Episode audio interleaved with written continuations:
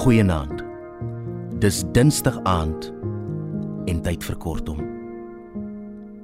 Vanaand is baie spesiaal vir my want my gas is my oud lektor Susan Beyers. Sy lees Wendy Martin se verhaal Diedrik van Goud. Dit kom uit die bundel Mense is mense uitgegee deur Lapa Uitgewers. Geniet ons storie.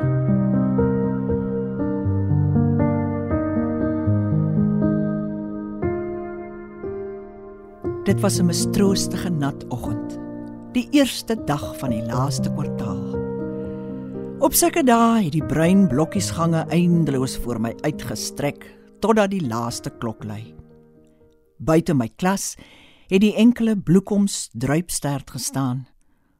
Oorblyfsels van 'n sementdam met soutbos wat uit die krake groei. Langsaan die geraamte van 'n windpomp wat lankal nie meer werk nie swart afgeets teen groot wit letters wat met gekalkte klippe teen die enigste koppie uitgepak is. Koperspoort 1888 tot 1988. Dis op hierdie oggend dat my en Diederik se paaie gekruis het. Ek het die skuifel voetstappe gehoor en opgekyk. Die vroegoggendlig uit die binnehof het 'n klein skewe figuurtjie omvou. Hy het niks gesê nie net daar gestaan op die deurmatjie met die oorkruisdraad patrone in my aangekyk met sy blou-grys ou mens oë so asof hy kon sien wat ek dink. Die kop skuins teen die skouer donsige haartjies kort geskeur en 'n mond wat effens oop hang die verweerde swart skoolskoene was afgetrap na binne. Ek kon sien dat die een been korter as die ander moet wees en 'n sweem van 'n glimlag, asof hy iets kon raak sien waarvan ek nie geweet het nie. Ek het nader gestap. "Goeiemôre, meneer, en waarmee kan ek jou help?" het ek geskerts om die ys te breek. Hy het niks gesê nie. Ek het nader gestap, die ou tas wat half oop hang by hom geneem en op sy gestaan sodat hy kon binnekom. Hy takserend bly staan en my van kop tot tone bekyk my swart langbroek, toeregskoene, swart trui en toe my kortgeskeurde hare. "Is jy 'n seun of 'n meisie?" het hy met 'n lisp gevra. Ek het gelag en om my klein oorkrabbertjies met die rooi steentjies en die troue verloofring aan my ringvinger gewys. Hy het tevrede geknik en in die bank langs die venster gaan sit. Sy arms gevou asof die sitplek nog altyd syne was. Ek wou nog 'n paar vrae vra, maar hy het dit blykbaar heeltemal onnodig gevind. Hy het net die boeke en rapport van die vorige skool uitgehaal. Sy naam was in swart daarop geskryf: Diederik. Hy het weer sy arms gevou, asof die formaliteite daarmee afgehandel was. Ek was hier, hy was hier. Ek was 'n juffrou en dis sy klas dat die plekkie slegs die res van die kwartaal aan hom sou behoort, het ek nie toegeweet nie. Hy het wel, maar dit het ek eers veel later besef. Binne die eerste paar dae het die prentjie duidelik geword. Ek het sy verslagkaart bekyk. In die 3 jaar wat hy skoolpligtig was, het hy reeds 5 skole bygewoon. Sy pa was 'n dambouer. Hy was 'n damkind. Hulle het in die padkamp by die Kamanassi dam gewoon en hy het bedags met die bus skool toe gekom. Sodra die bouwerk klaar was, is die opslaanhuisie opgelaai, die hoenders en honde op hok gesit en die kinders uit die skool gehaal, saam met die dambouers na 'n volgende staaning. Gevolglik het die dammense nooit deel van die gemeenskap geword nie. Die kinders was maar net nog figuurtjies wat huis toe gaan tyd in die straat afdwarrel.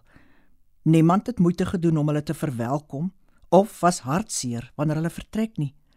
Hulle was deel van die seisoene en het ongemerk gekom en gegaan. Soos wat 'n mens skielik een herfsoggend besef dat jy die lig moet aanskakel terwyl dit die vorige dag nie nodig was nie. So het jy maar agtergekom die dammense is weg. Toe die klok aan die einde van die dag lui, het Diedrik 'n klip die grootte van sy vuis met groot erns op my tafel neergesit. 'n gewigtige geskenk. "Dankie, seun," het ek gesê en my arms uitgesteek om hom 'n drukkie te gee. Ek was onkant gevang toe hy omdraai en uitstap sonder om op die gebaar te reageer. Enige een van my ander leerders sou spontaan al arms om my slaan. Dit was duidelik dat hy fisieke aanraking met agterdog beheen en probeer vermy. Nogtans het ek nou en dan 'n pampoenkoekie wat hy blink op sy handpalm na my toe uithou gekry. 'n Paar eystervarkpenne en selfs 'n alwynplant wat hy net bo kan die grond afgedraai het en met groot moeite aangesleep het klas toe. Maar sonder uitsondering het ek my daaglikse offer gekry. Diedruk se klip. En elke middag, as 'n blyk van waardering, het ek die klip in my mandjie gepak om huis toe te neem. Aanvanklik het ek dit onder die suurlemoenboom net buite die agterdeur neergesit. Nadat my man 'n paar keer in die donker daaroor gestruikel het, is dit roostuin toe verskuif. En so het elke roos haar kragie van Diedruk se klippe gekry. Mettertyd het ek agtergekom dat hy 'n eie woordeskat het wat bestaan uit selfgemaakte woorde. Hy het nie van 'n kruiwa gepraat nie, maar 'n tinfaan. Hy het na visse as fitchies verwys en was traag om die regte woorde te gebruik. Dit was duidelik dat hy gemaklik was met sy eie taal. Ek het by die spraakonderwyseres navraag gedoen Dit is blykbaar 'n algemene verskynsel dat kinders wat oud genoeg is om taal aan te leer, maar lang tye in isolasie deurbring sonder om aan genoeg taal blootgestel te word, hul eie woordeskat ophou. Ek het gewonder oor wat daar in sy wêreld gebeur het. Dat hy sy gedagtes slegs aan sy klippe toe vertrou het. Hy het 'n klein sus gehad. Anders as Diedrik het Dina twee groot bruin oë gehad en gekwetter soos 'n klein vinkie terwyl sy agter hom aandraf, al springende oor denkbeeldige strome met die vlegsels wat wip wip. Diedrik was haar hoeder en het beskermend oor haar gewaak. Aan haar lawwigheid het hy hom min gesteer wanneer hy diep in gedagte aangestryk het na die stuk blink getrapte rooi grond waar hulle vir die bus moes wag. Die eerste keer wat ek Diedrik se ma ontmoet het, was toe ek die kloofse grondpad met my geel volksie aangedurf het om huisbesoek te doen. Die opslaande huisie het in die draai van die pad gestaan. Daar was 'n slap heining rondom met 'n groot hond wat met 'n ketting aan die hoekpaal vasgemaak was.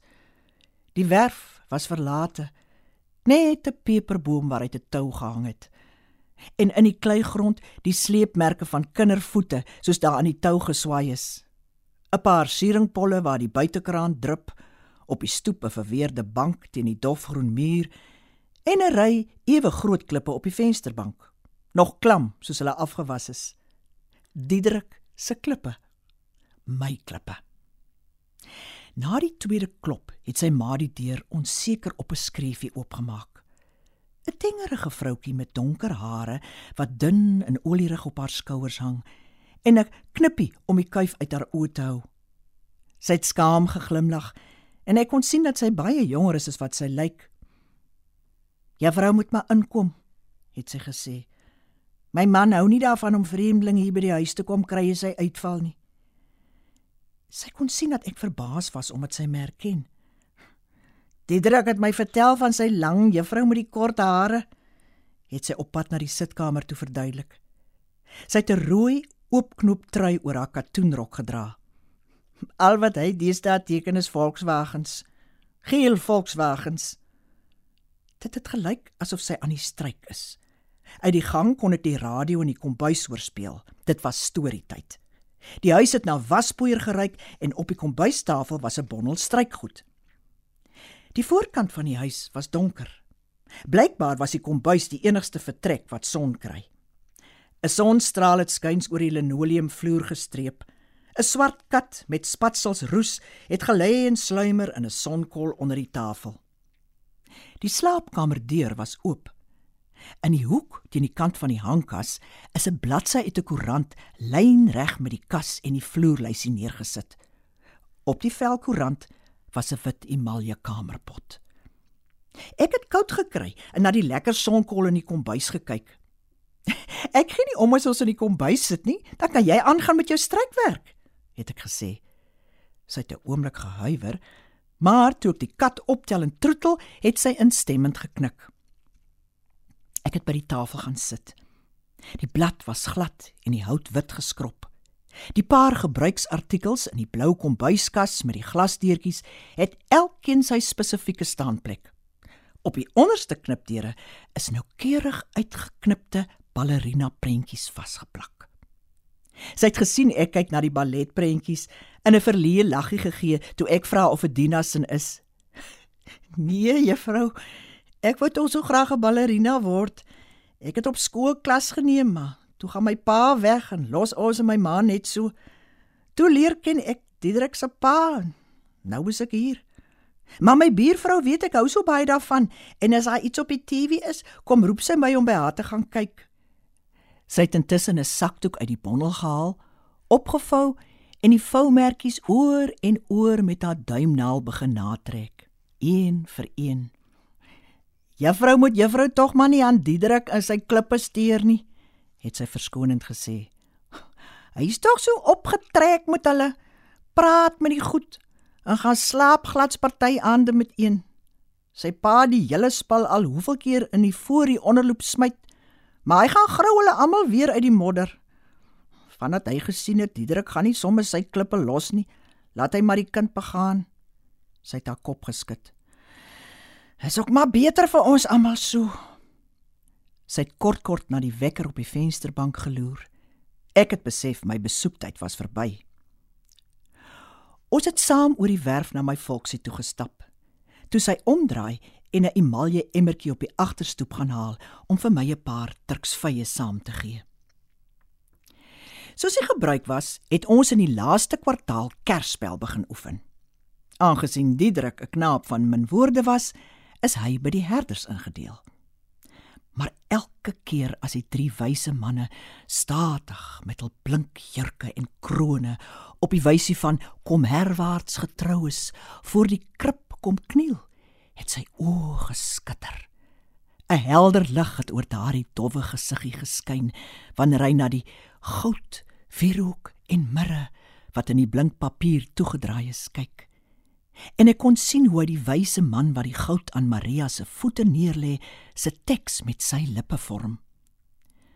Terug in die klas was Diederik weer bleek in sy bank, die woorde maar skaars.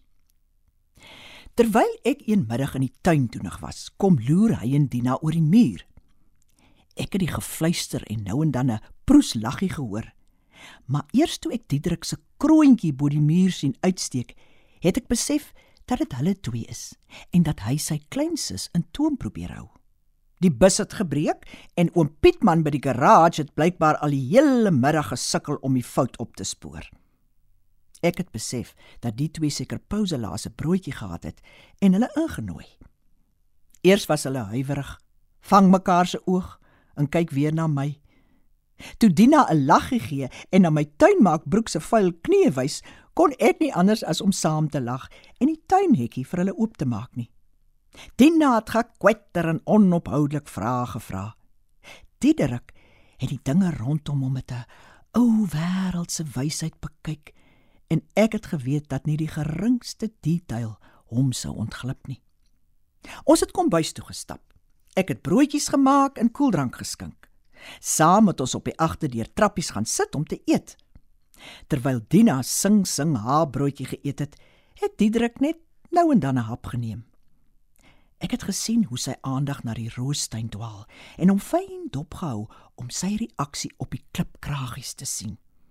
Hy het ophou kou gekyk en gekyk en toe het hy opgestaan en tot by die eerste een geloop.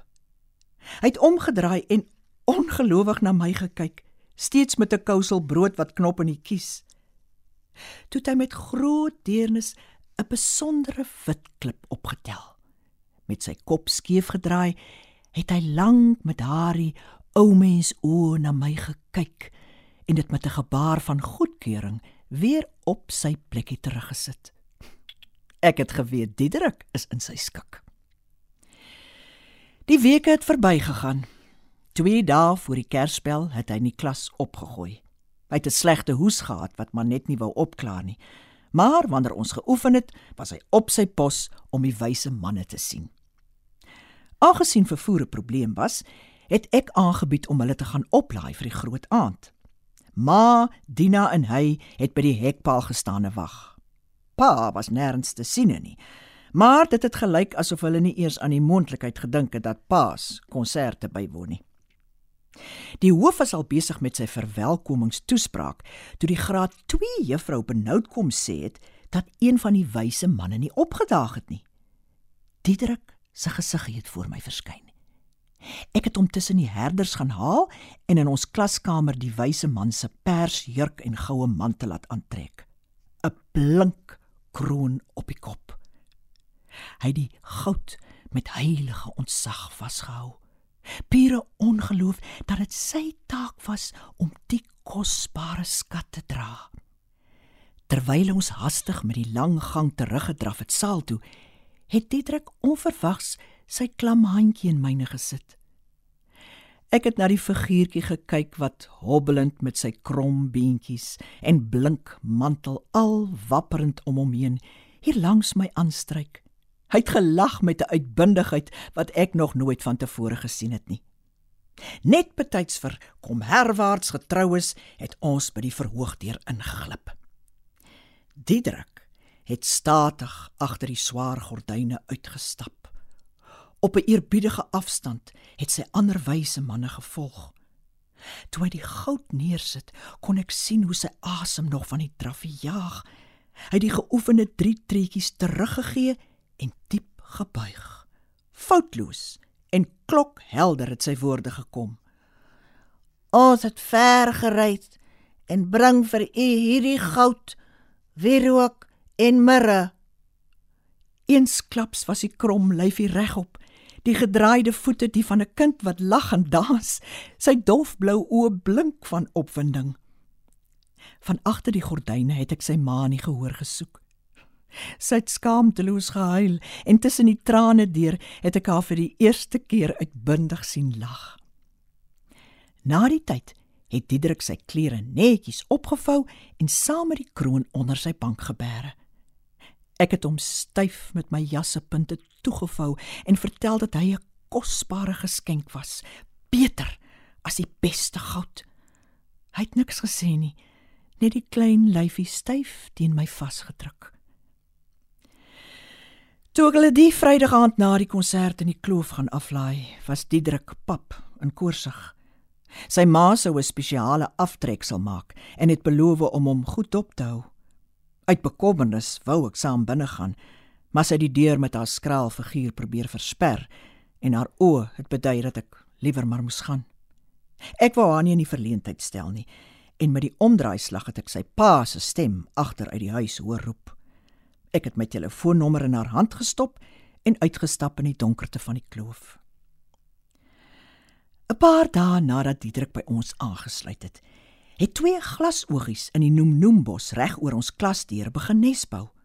Ons was hier 'n bietjie trots oor die eer wat ons klas te beurt geval het nie. Omdat Diedrik die bouery eerste opgemerk het, het ons hulle Diedrik en Tina genoem. Hy was dan ook baie bekommerd dat die wyfie die bouwerk ongedaan sou maak. Groot was ons almal se vreugde toe sy na 'n deeglike inspeksie haar goedkeuring gee. Ek het gehoop dat Diedrik die maandag nadat hy siek geraak het, terug sou wees op sy pos. Die wyfie het permanent haar intrek in die nesie geneem. Die eiertjies was seker al reeds gelê. Ek het hom gemis en daarna uitgesien dat hy moes terugkeer. Vanuit sy bank sou hy alles deur die oop deur kon dophou hoog in sy skik dat hy en sy naamgenoot nou amptelik bure was. Dinsdag het die hoof met 'n somber gesig voor my klas deur gestaan. Oor sy skouer het ek gesien die kaktusse in die binnehof het al geel reënblomme uitgestoot. Hy het nie nodig gehad om te praat nie. Ek het geweet en net geknik. Hy het omgedraai en ek het sy voetstappe op die stoep hoor wegraak. Diederik sou nooit die wyfie in haar nesie sien nie. Sy ma kon nie die koors met haar bossies goed breek nie. Ek het na sy bank gestap. Die enigste tasbare bewys dat hy ooit hier was. Ek kon hom daar sien sit, die krom voetjies wat net net grond raak. Ek wou hom toevou in my jas, sy dun lyfie teen die wêreld beskerm. Onder die bank se deksel het 'n punt van sy pers koningsjurk uitgesteek. Ek het die deksel opgelig. Bo op die netjies gevoude stapeltjie het sy kroon en 'n briefie gelê. In 'n skewe kinderskrifgie het hy geskryf: Juffrou, jy is 'n ster om jy ons leer. Juffrou moet baie geld kry, Diederik. Sy begrafnis was die donderdag. Ek en sy klasmaat sit op die galery gesit. Die kerk was groot en leeg, behalwe vir 'n paar mense in die eerste twee rye. Bo kan die preekstoel op 'n donker houtpaneel was 'n groot oog in die fynste detail geskilder. So lewensgetrou dat dit jou laat voel het asof al jou bewegings dopgehou word. Ek het na die kussie voor die preekstoel gekyk. 'n Enkele kransie wit blomme na sy ma wat klein en regop met haar smal skouertjies gesit het. Ons klasgroep het opgestaan en gesing. Ons is nie deur goud of silwer uit ons onmag vrygekoop. Toe ons gaan sit, het ek weer die oog opgemerk. Dit het na my gekyk en was sag en vol deernis. Terug in die klas het ek sy konsertklere in die stoor gaan bære. Die enkele wit klip wat onder sy bank bly lê het, en hy nog vir my wou gee in my mandjie gesit om huis toe te neem. Daardie nag het ek wakker geword van voetjies wat al staan voor die bed kry. Ek het omgedraai. In 'n gloed helderder as die geel van 'n duisend reënblomme het Diederik gestaan. Sy pers jurk en goue mantel het effens in die nagwind geroer. Hy het geglimlag na my gekyk met helderblou oë en 'n groot steen wat goud skitter met albei hande na my toe uitgehou.